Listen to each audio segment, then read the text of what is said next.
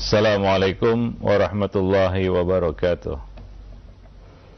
Innal hamdalillah wa nasta'inuhu wa nastaghfiruh wa na'udzu billahi min syururi anfusina wa sayyiati a'malina. May yahdihillahu fala wa may yudlil Ashhadu an wahdahu la syarikalah wa ashhadu anna Muhammadan abduhu wa rasuluhu la nabiyya ba'dah wa ba'd.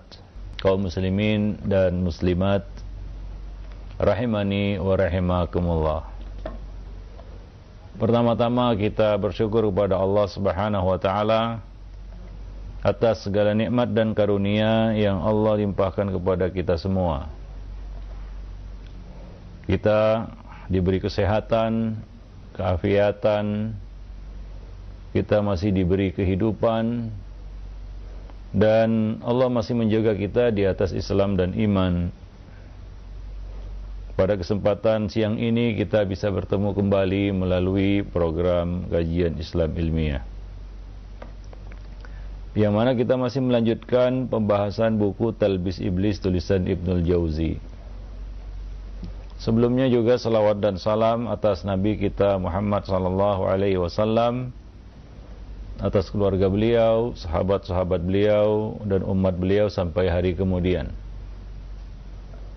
Para pemerhati roja kaum muslimin dan muslimat yang dimuliakan Allah,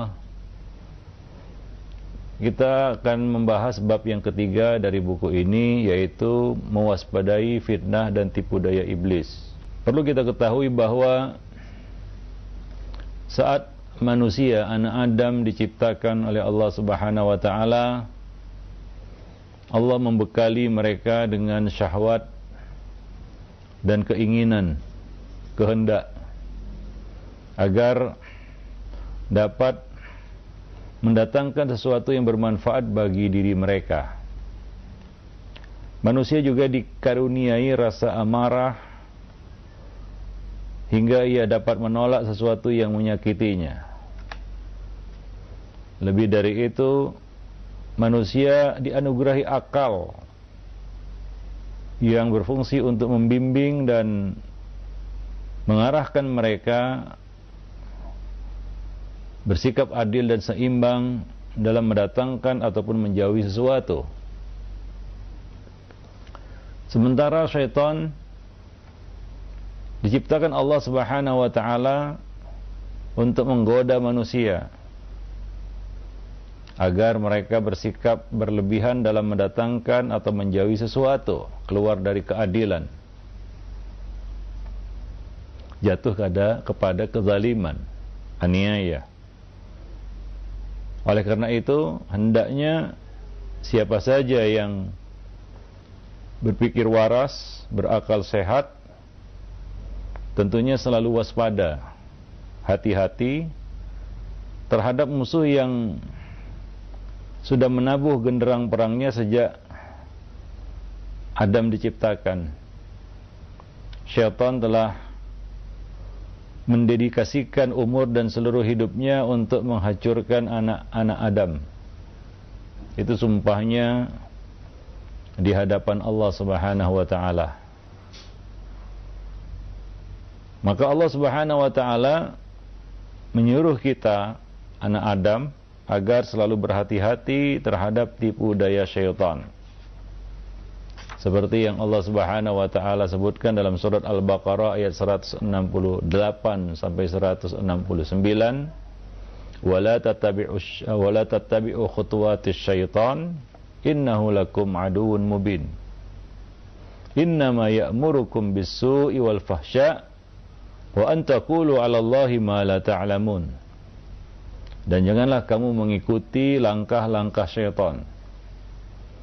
Khutuwati syaitan, langkah-langkah syaitan, tipu daya syaitan, siasat syaitan. Syaitan punya kesabaran untuk menyesatkan anak Adam. Maka jangan kalah bersabar di dalam menjauhi dan melawan godaan syaitan itu innahu lakum aduun mubin. Dia adalah musuh yang nyata bagi kamu. Yang nyata karena dia tidak akan menerima perdamaian apa pun dengan anak Adam. Dia tidak ingin berdamai dengan anak Adam. Bagaimanapun kita bermusuhan dengan anak Adam lainnya, orang kafir misalnya, masih ada di situ peluang untuk berdamai.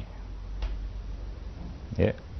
Akan tetapi dengan syaitan tidak ada peluang untuk berdamai, tidak ada jalan damai. Innahu lakum aduwwun mubin. Karena dia adalah musuh yang nyata bagi kamu. Maka jangan pernah ber, minta berdamai dengan setan karena setan tidak akan mau berdamai dengan manusia.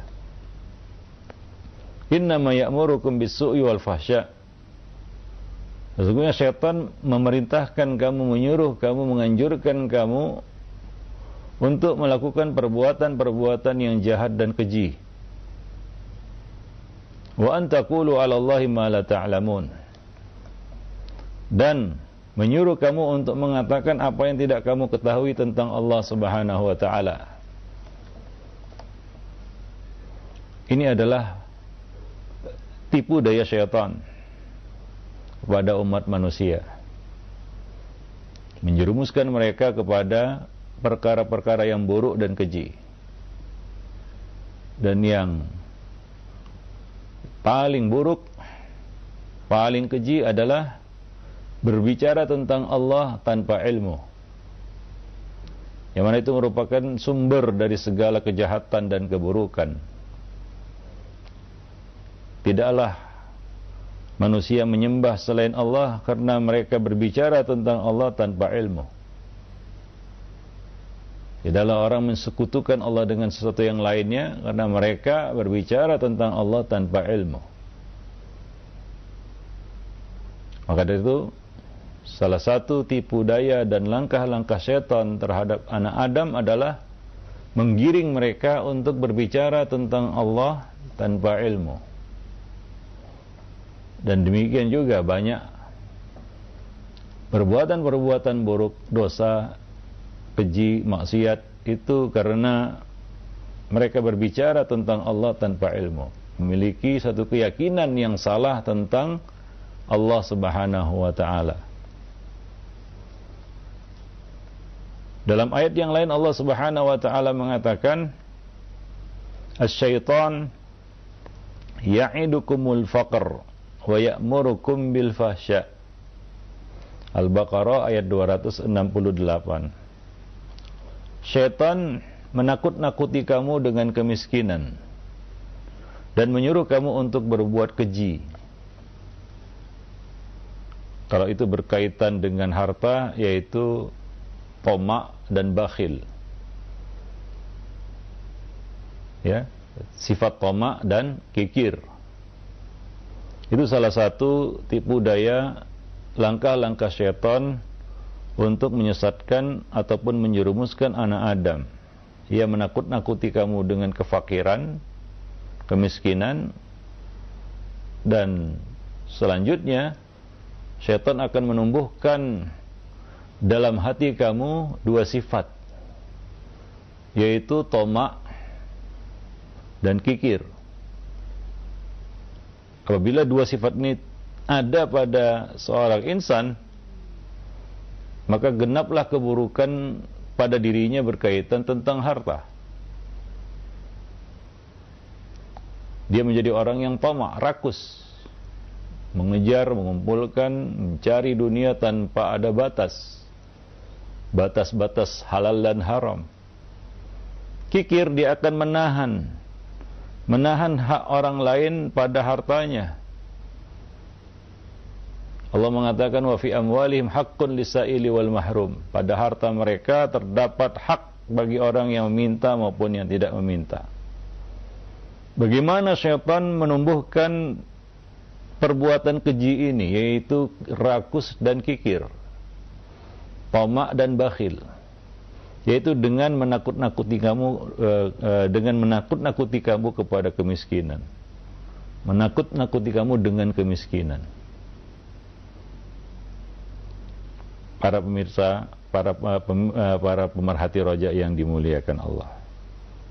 Demikian pula dalam ayat yang lain Allah Subhanahu wa taala mengatakan dalam surat An-Nisa ayat 60 Wa yuridu syaitan ayudillahum dalalan ba'ida. Dan syaitan bermaksud berkehendak menyesatkan mereka manusia dengan kesesatan yang sejauh-jauhnya, dolalan ba'ida.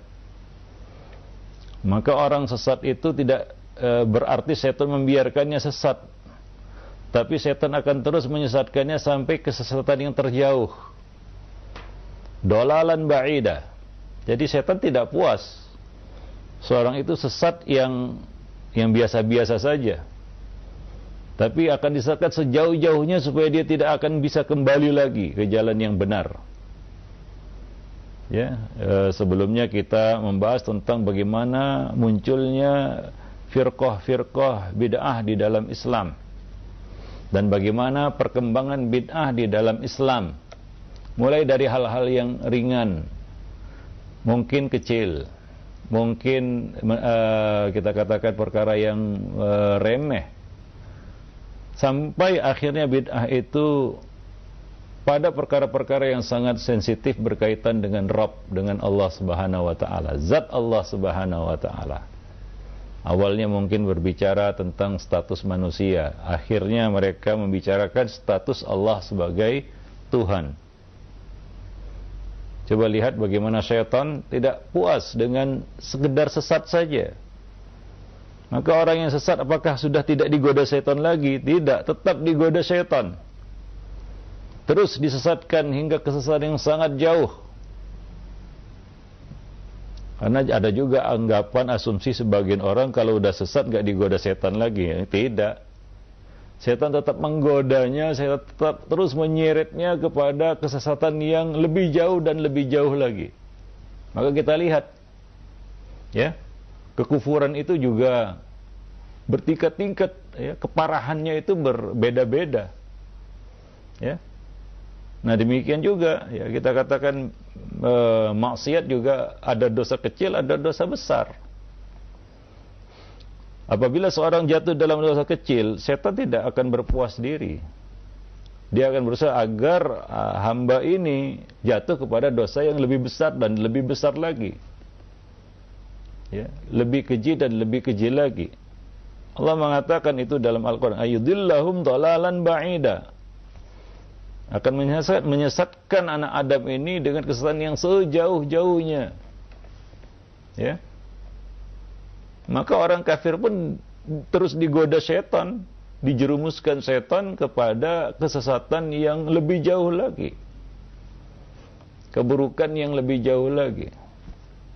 Sehingga itu menghalangi mereka dari hidayah. Karena ada sebagian orang kafir bisa terbuka hatinya untuk menerima hidayah.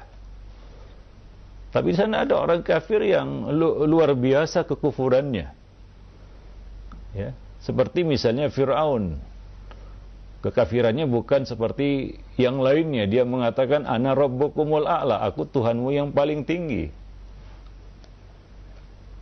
Ya, dia mengaku dirinya Tuhan. Di antara orang kafir ada yang memang betul-betul menyembah setan. Ya. Jadi setan tidak pernah puas untuk menyesatkan anak Adam. Ya. Seperti yang dijelaskan oleh Ibnu Al-Qayyim.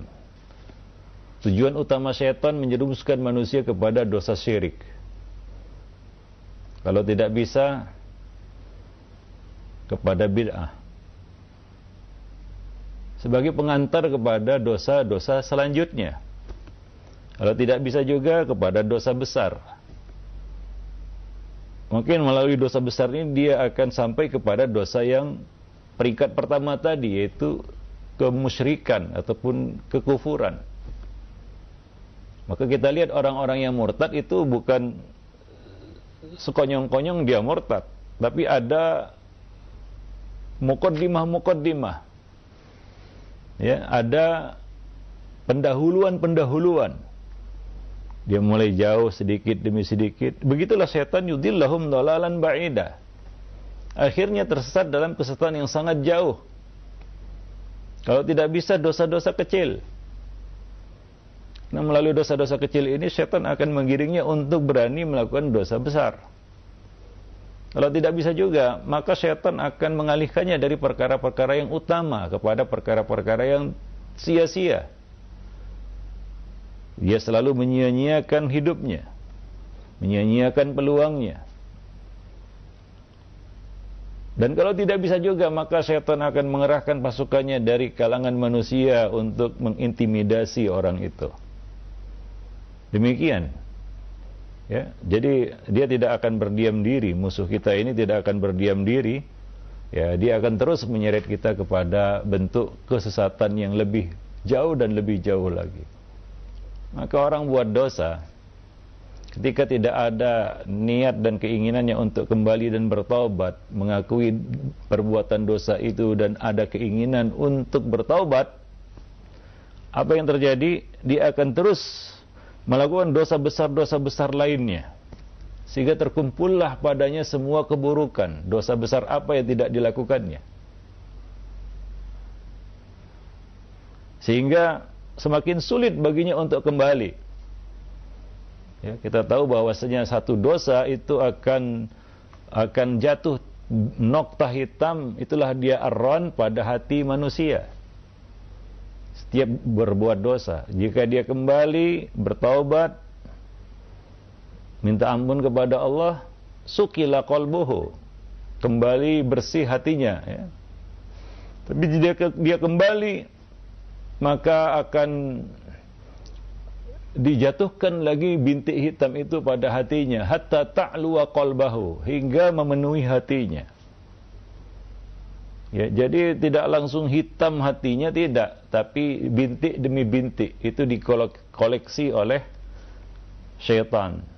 Kita dia berhasil menjebak anak Adam ini kepada sebuah dosa, dia akan menjebak lagi kepada dosa-dosa yang lain. Sehingga hati anak Adam itu ditutupi dengan nokta hitam. Itulah yang Allah sebut di dalam Al-Quran, Kallabal rana ala kulubihim Ya sekali-kali tidak bahkan ya arran rona hitam yang menutupi hati mereka bima kanu yaksibun disebabkan dosa yang mereka lakukan. Ya maka setan tidak pernah puas untuk menyesatkan anak Adam. Walaupun mereka sudah kufur sekalipun. Setan akan terus menyeretnya kepada keburukan-keburukan yang lebih dahsyat lagi. Maka kita lihat ya, orang-orang di luar Islam atau orang-orang kafir itu juga macam-macam tingkat keburukannya, nggak sama. Tidak sama. Ya, sebagai contoh kita dapat lihat dua raja yang berkuasa di zaman Nabi yaitu Kisra Persia dan Kaisar Romawi. Kedua-duanya sama-sama kafir tapi dua raja ini berbeda. Ya. Kaisar Romawi ini walaupun kafir masih menghormati surat Nabi yang dikirimkan kepadanya. Dia menghormati utusan Nabi. Adapun Kisra Persia ini merobek-robek surat Nabi. Ya. Dan memperlakukan tidak baik utusan Nabi. Maka apa yang terjadi? Allah Subhanahu wa taala juga memperlakukan keduanya berbeda. Kisra Pasi ini Allah hapus uh, nasab keturunannya hingga tidak terdengar lagi hari ini ya keturunan Kisra Persia. Allah mencabik-cabik kerajaannya kulla mumazzak sehancur-hancurnya. Begitulah ya. Bagaimana syaitan itu menyeret manusia kepada keburukan yang lebih dahsyat para pemerhati roja kaum muslimin dan muslimat yang dimuliakan Allah. Dan ini salah satu di antara langkah-langkah syaitan, tipu daya syaitan kepada anak Adam. Demikian pula dalam surat Al-Maidah ayat 91. Allah Subhanahu wa taala berfirman, "Innama yuridu syaitanu ay yuqi'a bainakumul adawata wal baghdha fil khamri wal maisir wa yasuddakum an dzikrillah wa anis salah fahal antum muntahun melalui minuman keras dan judi itu Syaitan bermaksud menimbulkan permusuhan dan kebencian di antara kamu dan menghalang-halangi kamu dari mengingat Allah dan mengerjakan salat. Maka tidakkah kamu mau berhenti? Yaitu dari minuman keras dan judi. Maka dikatakan minuman keras itu adalah ummul fasad, ya. ummul fawahis, induk dari segala kerusakan dan kekejian. Nah, salah satu di antara daruriyatul khamsah ya. Lima perkara pokok dalam agama yang perlu dijaga adalah akal. Ya. Karena manusia berharga dengan akalnya. Ketika manusia tidak dapat gagal menggunakan akalnya dengan baik, maka dia jatuh derajatnya sampai kepada derajat yang serendah-rendahnya bahkan dia lebih sesat daripada hewan ternak. Begitu ungkapan Al-Quran. Ulaika kal an'am balhum adal, yaitu orang-orang yang lahum kulubun la yafqahuna biha, punya pikiran, punya akal tapi tidak bisa digunakan untuk memahami. Maka Allah mengatakan ulaika kal an'am. Mereka itu seperti hewan ternak, bahkan lebih sesat daripada hewan ternak itu. Maka akal adalah aset yang sangat berharga yang perlu kita jaga. Kita jaga bukan hanya fisiknya saja, tapi fungsinya juga kita jaga agar dia bisa berfungsi dengan baik. Maka segala sesuatu yang bisa merusak fungsi akal itu diharamkan dalam agama. Narkoba, minuman keras, candu, dan lain sebagainya. Narkotika. Bahkan perkara-perkara yang bisa merusak akal seperti narkolema, narkotika lewat mata atau dengan kata lain pornografi itu juga diharamkan karena satu alasan-alasan yang sama itu dapat merusak akal pikirannya. Akan terbukti orang yang kecanduan narkolema, kerusakan yang terjadi pada otaknya itu lebih parah daripada orang yang kecanduan narkotika. Maka salah satu daruriyatul khamsah adalah menjaga kesehatan akal. Nah, setan tahu itu. Maka dia berusaha untuk merusak akal anak Adam ini dengan menyuruh mereka minum khamar. Ya, salah satunya minum khamar. Ya, melalui khamar manusia saling bermusuhan, saling membenci. Berapa banyak kita lihat Orang-orang yang mabuk khamar, dia mabuk, dia melakukan eh, perkara-perkara di luar kendali akal sehatnya. Merusak. Bahkan mungkin dia membunuh. Ya karena dia di luar kendali akal sehatnya. Ya, dia menyakiti orang, dia mencaci maki orang. Maka setan ya sengaja menjatuhkan kamu ke dalam khamar itu agar terjadi permusuhan dan kebencian di antara kamu. Itu yang pertama. Kemudian kamu terhalang dari zikrullah. Orang mabuk mana bisa zikir? Ngomong aja susah, apalagi zikir. Ya. Kemudian menghalangi kamu dari mengerjakan sholat. Orang mabuk nggak bisa sholat. Mungkin dia nggak tahu berapa rakaat sudah dia kerjakan sholatnya. Ya, Nah demikian. Maka dari itu, ya, segala hal yang dapat merusak akal itu diharamkan dalam agama. Bagaimana apa pun bentuknya dan namanya, walaupun itu tidak ada di zaman Nabi. Ya, ada beberapa kaedah-kaedah fikih ya, yang secara umum mengharamkan hal itu. Karena sebagian orang misalnya meng, tidak ada di dalam Al-Quran candu, ganja, narkotika gak ada. Ya memang tidak ada di zaman Nabi. Nabi tidak menyebutkan secara secara khusus hukumnya, secara spesifik. Tapi Allah Nabi sebutkan sifatnya. Ya. Kullu ma khamarul aql fahuwa haram. Setiap perkara yang dapat merusak akal, yukhamirul akal, membuat akal tidak berfungsi, maka dia adalah haram, sedikit maupun banyak. Ya. Karena saking berharganya akal manusia itu.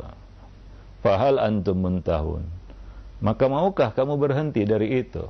Jadi ini larangan untuk e, minum khamar ya. Ini adalah e, kita katakan hukum terakhir.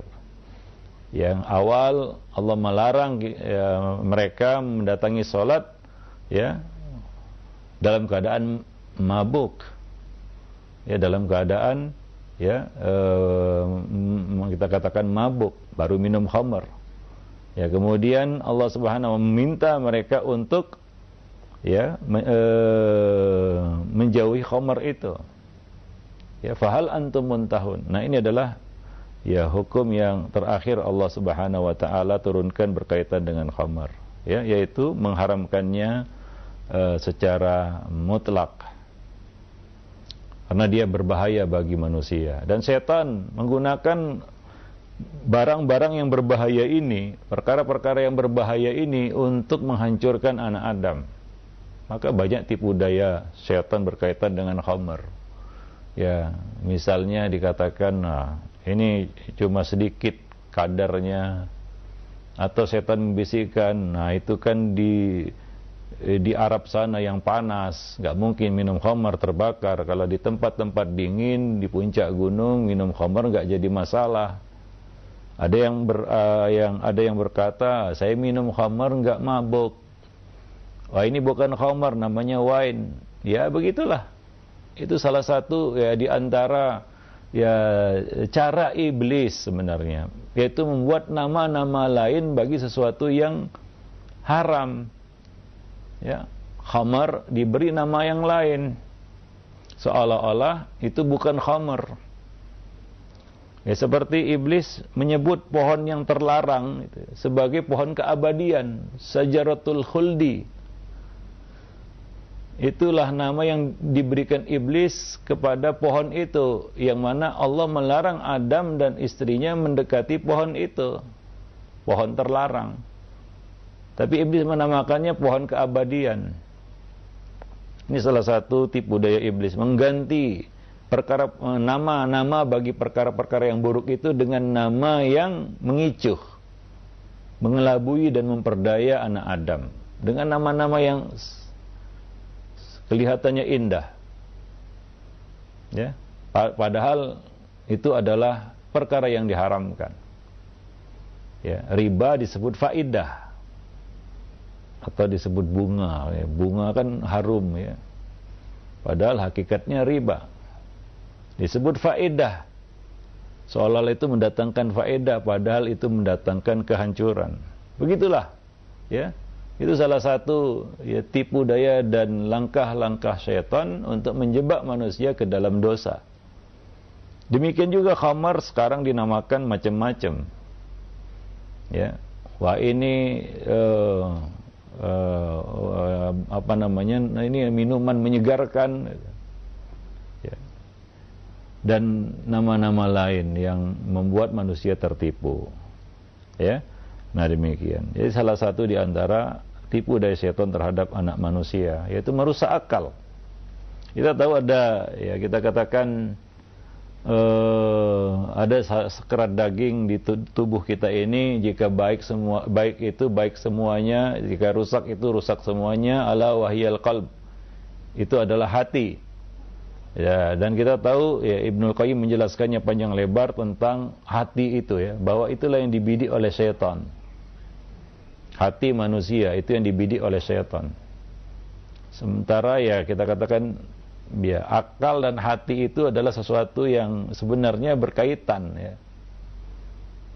Ya, hati itu adalah apa yang muncul di akal itu. Ya, dan itu yang memerintahkan kita untuk melakukan adanya perintah dari otak untuk melakukannya dan menggerakkan saraf-saraf menggerakkan anggota tubuh kita untuk melakukannya. Dan tentunya kalau kita mengacu kepada bahasa kolbu itu adalah fisiknya jantung. Fisiknya jantung. Dan kita tahu jantung itu fungsinya untuk memompa darah. Ada generator listrik di situ yang membuat jantung itu terus berdetak, memompa darah ke seluruh tubuh kita. Ya. Itu salah itu kita katakan fungsi jantung yang utama. Dan salah satunya adalah dia memompa darah itu ke otak. Bahkan otak meminta bagian terbesar dari darah yang dipompa oleh jantung. Otak meminta 20% dari darah yang dipompakan jantung ke seluruh tubuh. Dia minta bagian 20%. Itu ke otak. Dan ini tidak boleh kurang, nggak boleh juga berlebih. Kurang bahaya, lebih juga bahaya. Ya.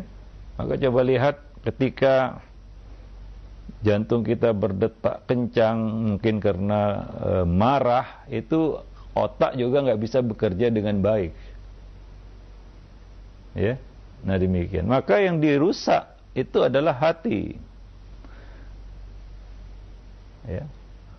Ada dua komponen di sini yang saling berkaitan yaitu otak dan jantung.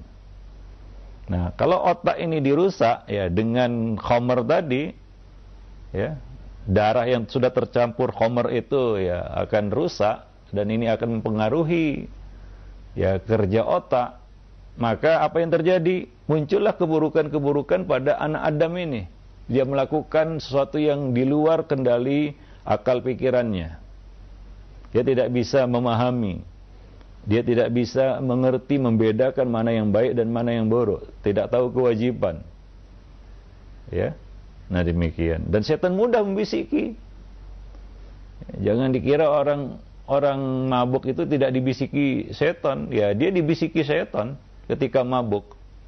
Maka orang mabuk itu dibisiki untuk melakukan tindakan-tindakan yang konyol ya. Satu ya jelas konyol. Yang kedua ya tindakan-tindakan kriminal. Muncul keberanian yang ya kita katakan semu sebenarnya ya. Untuk melakukan hal-hal yang ya kita katakan jahat, buruk. Terangkatlah rasa malu. Maka orang mabuk itu kan nggak punya rasa malu dia bicaranya sembarangan, ya tindakannya juga ya tanpa perhitungan. Ya karena rasa malu sudah terangkat. Ya, nah demikian.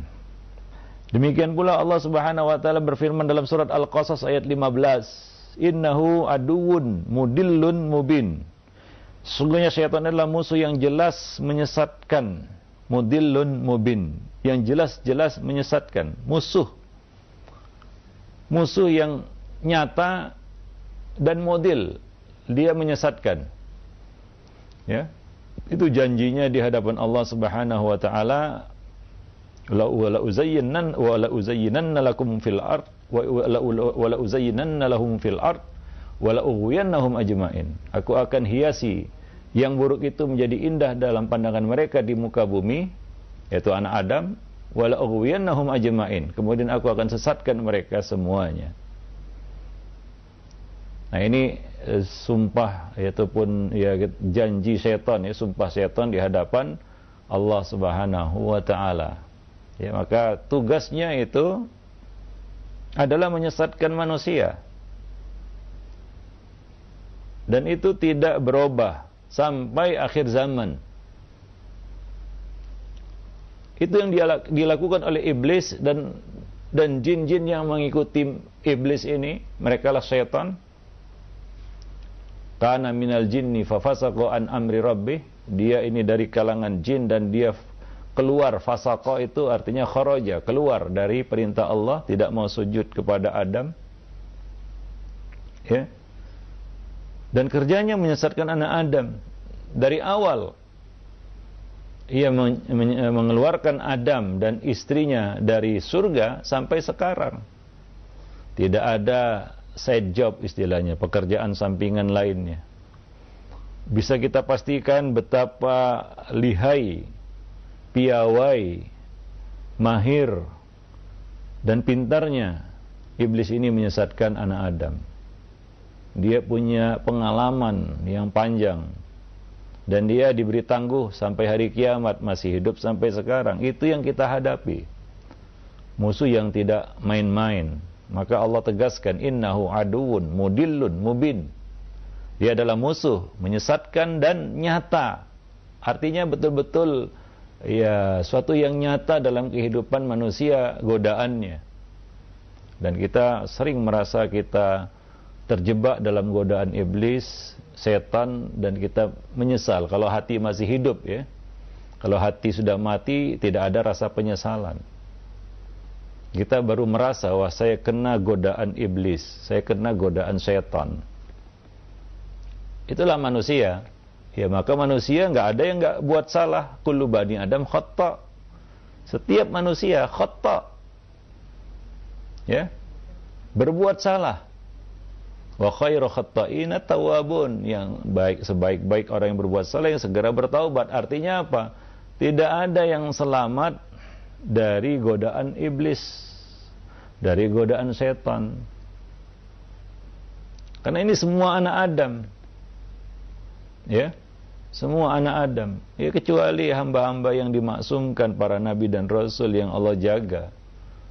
Karena ada misi yang akan mereka bawa yaitu menyampaikan firman-firman ilahi. Nah, kalau kita manusia biasa, ya pasti ada momen kita kalah menghadapi musuh kita ini. Ya. Akan tetapi Allah Subhanahu wa taala ya tentunya menurunkan uh, kita katakan segala uh, perkara atau eh, perangkat-perangkat uh, yang kita butuhkan untuk dapat mengalahkan musuh kita itu. Maka Allah kirim para nabi dan rasul, turunkan kitab suci, ya, menurunkan kitab-kitabnya. Bahkan Allah menyertakan malaikat-malaikatnya untuk mendampingi anak-anak Adam ini. Maka ada di bitonah khair, pendamping yang baik itu malaikat-malaikat yang mengajak manusia kepada kebaikan. Tapi kadang-kadang itu kalah ya. Dengan godaan-godaan tipu daya bisikan maut dari setan ini, dari iblis dan bala tentaranya maka tidak ada anak Adam yang luput dari dosa ya karena dia pasti akan jadi sasaran setan yang punya pengalaman yang luar biasa yang panjang untuk menyesatkan anak Adam. Dan di dalam ayat yang lain surat Fatir ayat 6 Allah Subhanahu wa taala berfirman inna inna syaitana lakum aduun fattakhidhuhu aduwa innama yad'u hizbahu liyakunu min ashabis sa'ir Setan itu adalah musuh bagimu, maka jadikanlah ia musuh. Karena sungguh setan itu hanya mengajak golongannya agar mereka menjadi penghuni neraka yang menyala-nyala. Nah, ada dua perkara di sini. Ya. Pertama, mengetahui mengilmui setan itu adalah musuh.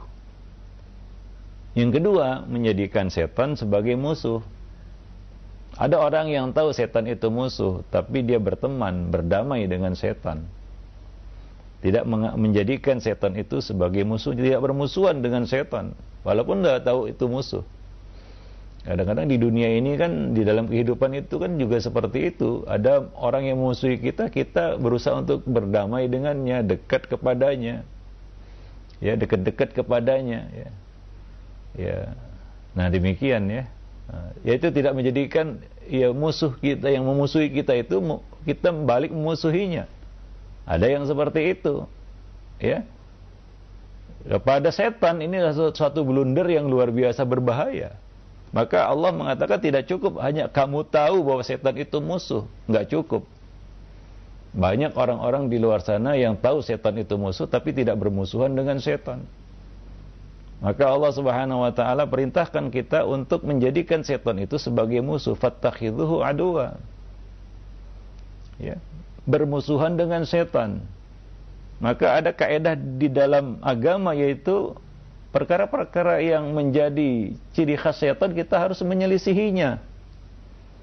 Karena kita musuhan dengan setan. Contohnya misalnya ya, uh, setan itu tidak tidur siang. Maka Nabi perintahkan kita untuk tidur siang, untuk menyelisihi setan. Ya. Kilu kata Nabi, tidur sianglah kamu. Fa inna sayatina la takilu, karena setan-setan tidak tidur siang. Dan masih banyak lagi hal-hal lain setan makan pakai tangan kiri, kita pakai tangan kanan. Ya. setan tempatnya di dalam WC, kita dilarang, dilarang berlama-lama dalam WC. Ya. Nah, jadi banyak kesempatan atau momen di mana kita diperintahkan untuk menyelisihi setan itu. Ya. Karena kita bermusuhan dengannya. Seorang itu memusuhi sesuatu dan dia tunjukkan permusuhan itu dengan apa? Salah satu dengan menyelisihinya. Setan ya, setanlah yang berusaha untuk agar kita menyelisihi fitrah sebagaimana Allah sebutkan dalam surat An-Nisa ya yang mengasung kita untuk merubah-rubah ciptaan Allah menyelisih fitrah itu setan. Maka kita menyelisih setan itu. Ya. Setan menyuruh kita untuk merubah ciptaan Allah misalnya mencukur jenggot kita panjangkan kita pelihara. Karena kita bermusuhan dengan setan ini. Setan menginginkan kita untuk merubah ciptaan Allah. Ya mengikir misalnya alis dan itu merubah ciptaan yang dilarang di dalam agama. Dan karena itu memang yang dikehendaki oleh setan, maka kita menyelisih kehendak setan itu. Nah, ini artinya kita bermusuhan dengan setan. Maka di dalam syariat, dalam agama ada kaedah prinsip menyelisihi musuh. Ya. Baik itu dari kalangan manusia maupun musuh kita, musuh abadi kita yaitu setan. Ya misalnya ya di dalam bab memelihara jenggot dan mencukur menggunting kumis. Qasus syawarib wa wa'ful liha. Khaliful musyrikin. Ya. Potonglah kumis dan peliharalah jenggot. Selisilah orang-orang musyrik. Karena mereka musuh. Kita menyelisih musuh. Setan apalagi? Ya, nah demikian. Wallahu a'lam bishawab. Itulah makna dari kita menjadikannya sebagai musuh. Kita selisihi dia. Ya, ya di, dalam hal-hal yang menjadi sesuatu yang khus, uh, uh, karakteristik bagi mereka. Ya, nah demikian. Ini bent, uh, itu mak, mak, makna dari menjadikan setan sebagai musuh karena dia selalu mengajak golongannya agar menjadi penghuni neraka yang menyala-nyala. Ya, nah demikian. Jadi ada hiz, hizbus syaitan, golongan syaitan. Itu orang-orang yang selalu tunduk dan ikut kepada ajakan ya dan apa yang diperintahkan oleh syaitan. Ya, wallahu alam bisawab. Nah, demikian para Eh, pemerhati roja ya kaum muslimin dan muslimat yang dimuliakan Allah. Nanti akan kita lanjutkan lagi masih di bab yang ketiga yaitu uh, mewaspadai fitnah dan tipu daya iblis ya syaitan dan para pengikutnya. Subhanakallah bihamdik asyhadu an la ilaha illa anta astaghfiruka wa atubu ilaik. Nah. Jazakallahu khairan wa barakallahu fikum Ustaz atas penyampaian materi yang sangat bermanfaat sekali di kesempatan siang yang berbahagia ini. Nah, ikhwata Islam azakumullah, silakan bagi Anda yang ingin bertanya dapat mengirimkan pertanyaan melalui pesan singkat di 0819896543. Baik, pertanyaan pertama kita awali dari hamba Allah. Assalamualaikum warahmatullahi wabarakatuh Ustaz. Ustadz bagaimana cara membantu keluarga kita yang mengalami sakaratul maut supaya tidak bisa digoda syaitan dan bisa dengan mudah mengucapkan kalimat la ilaha illallah. Syukur. Ya, kewajiban setiap muslim terhadap saudaranya yang menghadapi sakaratul maut adalah talqin. Nabi mengatakan lakinu mautakum la ilaha illallah. Bisikilah, tuntunlah, bimbinglah orang yang akan mati di antara kamu itu menghadapi sakarat untuk mengucapkan la ilaha illallah. La ilaha illallah ya bukan Allah Allah karena sebagian orang talkinnya keliru ya Allah Allah tidak la ilaha illallah ya Nah apabila dia sudah mengucapkannya maka biarkan dia agar itu menjadi kalimat terakhir yang diucapkannya. Karena Nabi mengatakan man akhiru kalamihi la ilaha illallah dakhalal jannah. Karena siapa yang akhir ucapannya la ilaha illallah dia akan masuk surga. Ya karena dia mati di atas kalimat tauhid. Wala tamutunna illa wa antum muslimun. Itulah yang menjadi cita-cita kita ya dalam hidup ini yaitu bagaimana kita berhasil meninggalkan dunia ini dengan membawa kalimat la ilaha illallah ya yang mana itu belum belum tahu lagi kita apakah kita bisa mengamalkan ayat itu mungkin satu Al-Quran itu belum satu ayat yang belum kita lakukan sampai hari ini ya. Karena itu akan terbukti nanti ketika kita menghadapi kematian. Apakah kita berhasil mengucapkannya dan mengamalkan ayat itu? Wala tamutunna illa wa antum muslimun. Itulah yang bisa kita lakukan untuk saudara kita ya untuk sahabat kita untuk keluarga kita. Membimbingnya untuk mengucapkan kalimat la ilaha illallah. Maka jangan diganggu dengan perkara-perkara lain ya. Jangan diganggu dengan perkara-perkara lain. Walaupun banyak perkara-perkara lain yang mungkin kita pandang perlu. Misalnya hutang. Orang mau mati diingatkan hutang. Suruh bayar hutang. Jangan itu dulu. Ini mau mati perkara penting dia ucap la ilaha illallah. Ya. Atau dia ya mungkin uh, masih pakai kalung emas. Ya. Waktu buka-buka itu ya ini dia mau keburu mati nanti ya Ya, jadi jangan sibukkan kepada perkara yang lain dulu, fokus untuk menguntunnya mengucapkan la ilaha illallah. Apalagi membicarakan dunia. Ya, mau mati ini ahli warisnya tengkar masalah warisan di depan orang yang mau mati, ya, bayangkan. Bagaimana galaunya hati orang ini. Ya, dia mau mati, mau meninggalkan dunia, keluarganya sibuk membicarakan warisan di depannya begitu.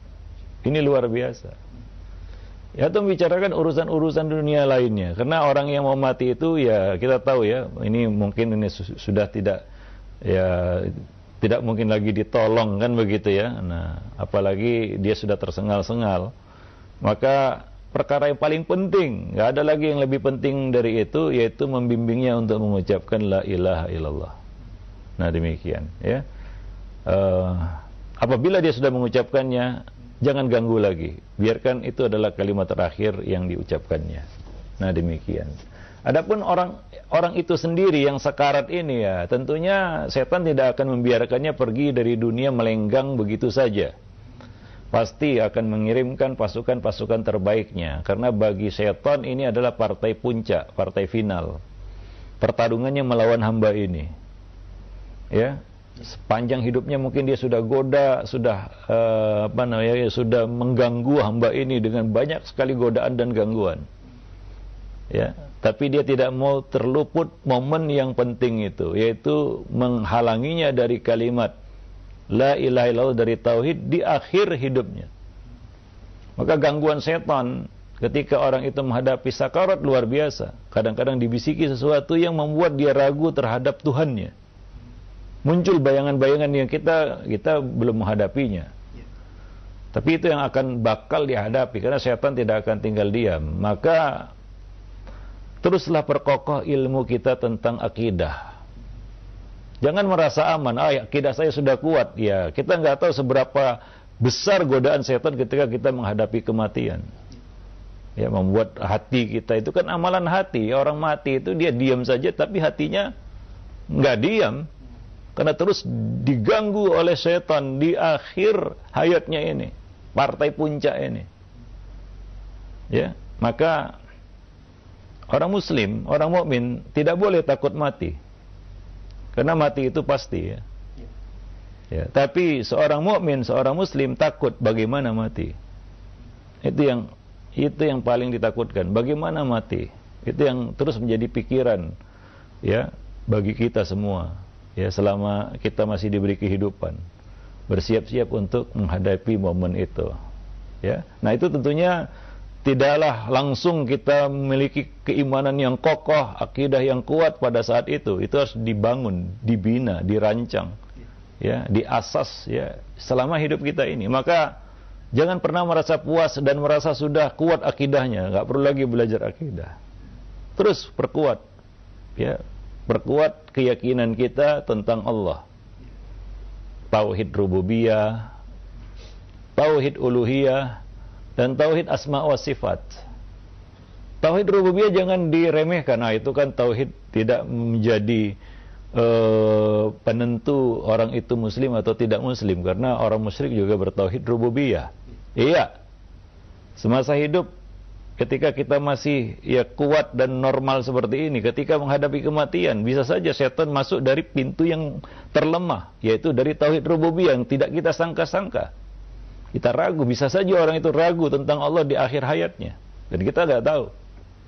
Maka terus perkuat akidah kita dan jangan merasa wah saya ini sudah itu jangan terlalu jumawa ya. Makanya terus kita pelajari tauhid rububiyah, tauhid asma, asma wa sifat, tauhid uluhiyah sampai ya kita katakan kita meninggalkan dunia ini kan begitu ya. Nah, maka itu e, ilmu yang ya pertama harus kita e, ajarkan kepada anak dan ilmu terakhir yang tetap terus kita pelajari.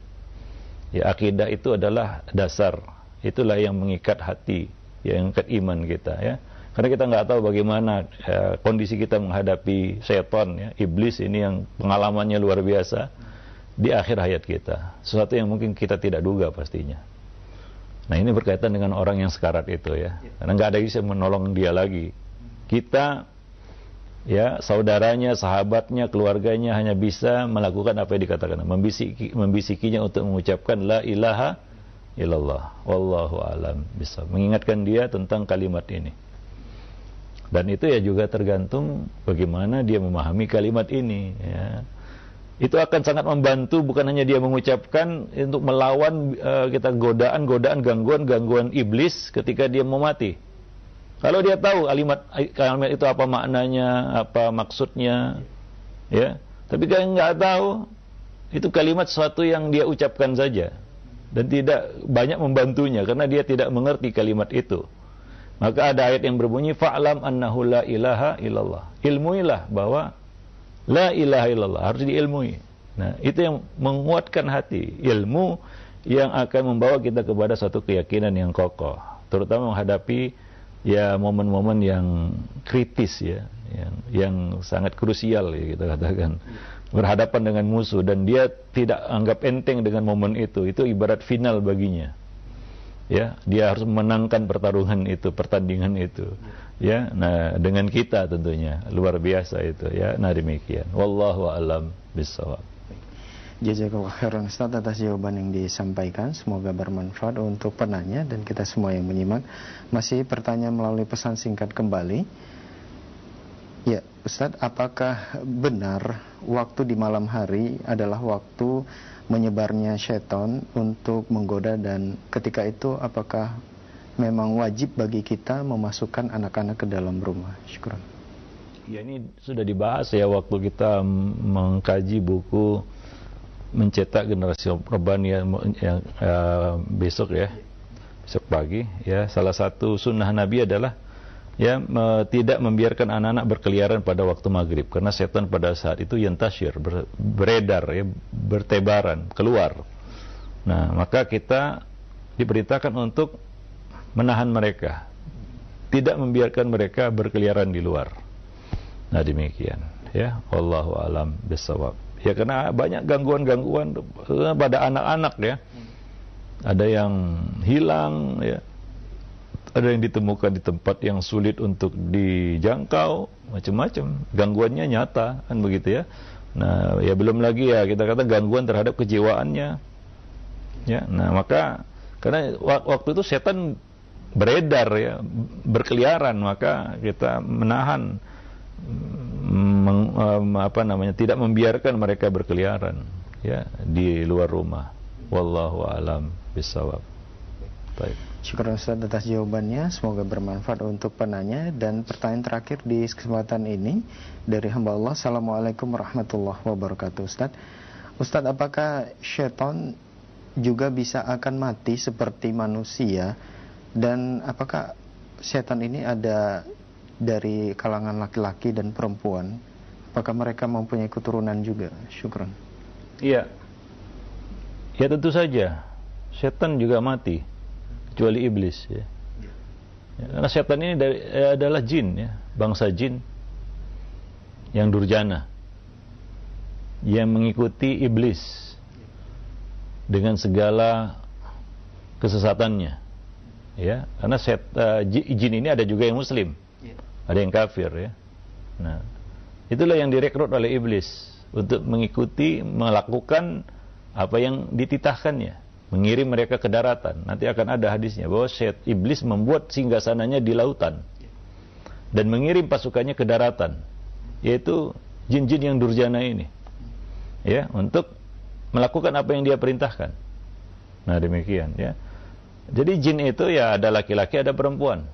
Ya, ya salah satu uh, apa namanya uh, nama itu ya yang Allah yang Nabi sebutkan di dalam doa ya Allahumma ini a'udzubika minal khubusi wal khaba'is. Khubusi jin laki-laki, khaba'is jin perempuan, ya.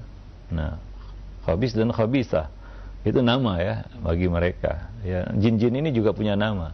Ya, nah demikian. Ada laki-laki, ada perempuan. Allah juga mengatakan dalam Al-Qur'an wa annahu wa innahu kana rijalun minal insi ya'uzuna bi rijalin minal jin fazaduhum rohaqa. Ini menunjukkan bahwa jin itu juga ada laki-laki, ada perempuan dan mereka punya keturunan dan mereka hidup dan mati.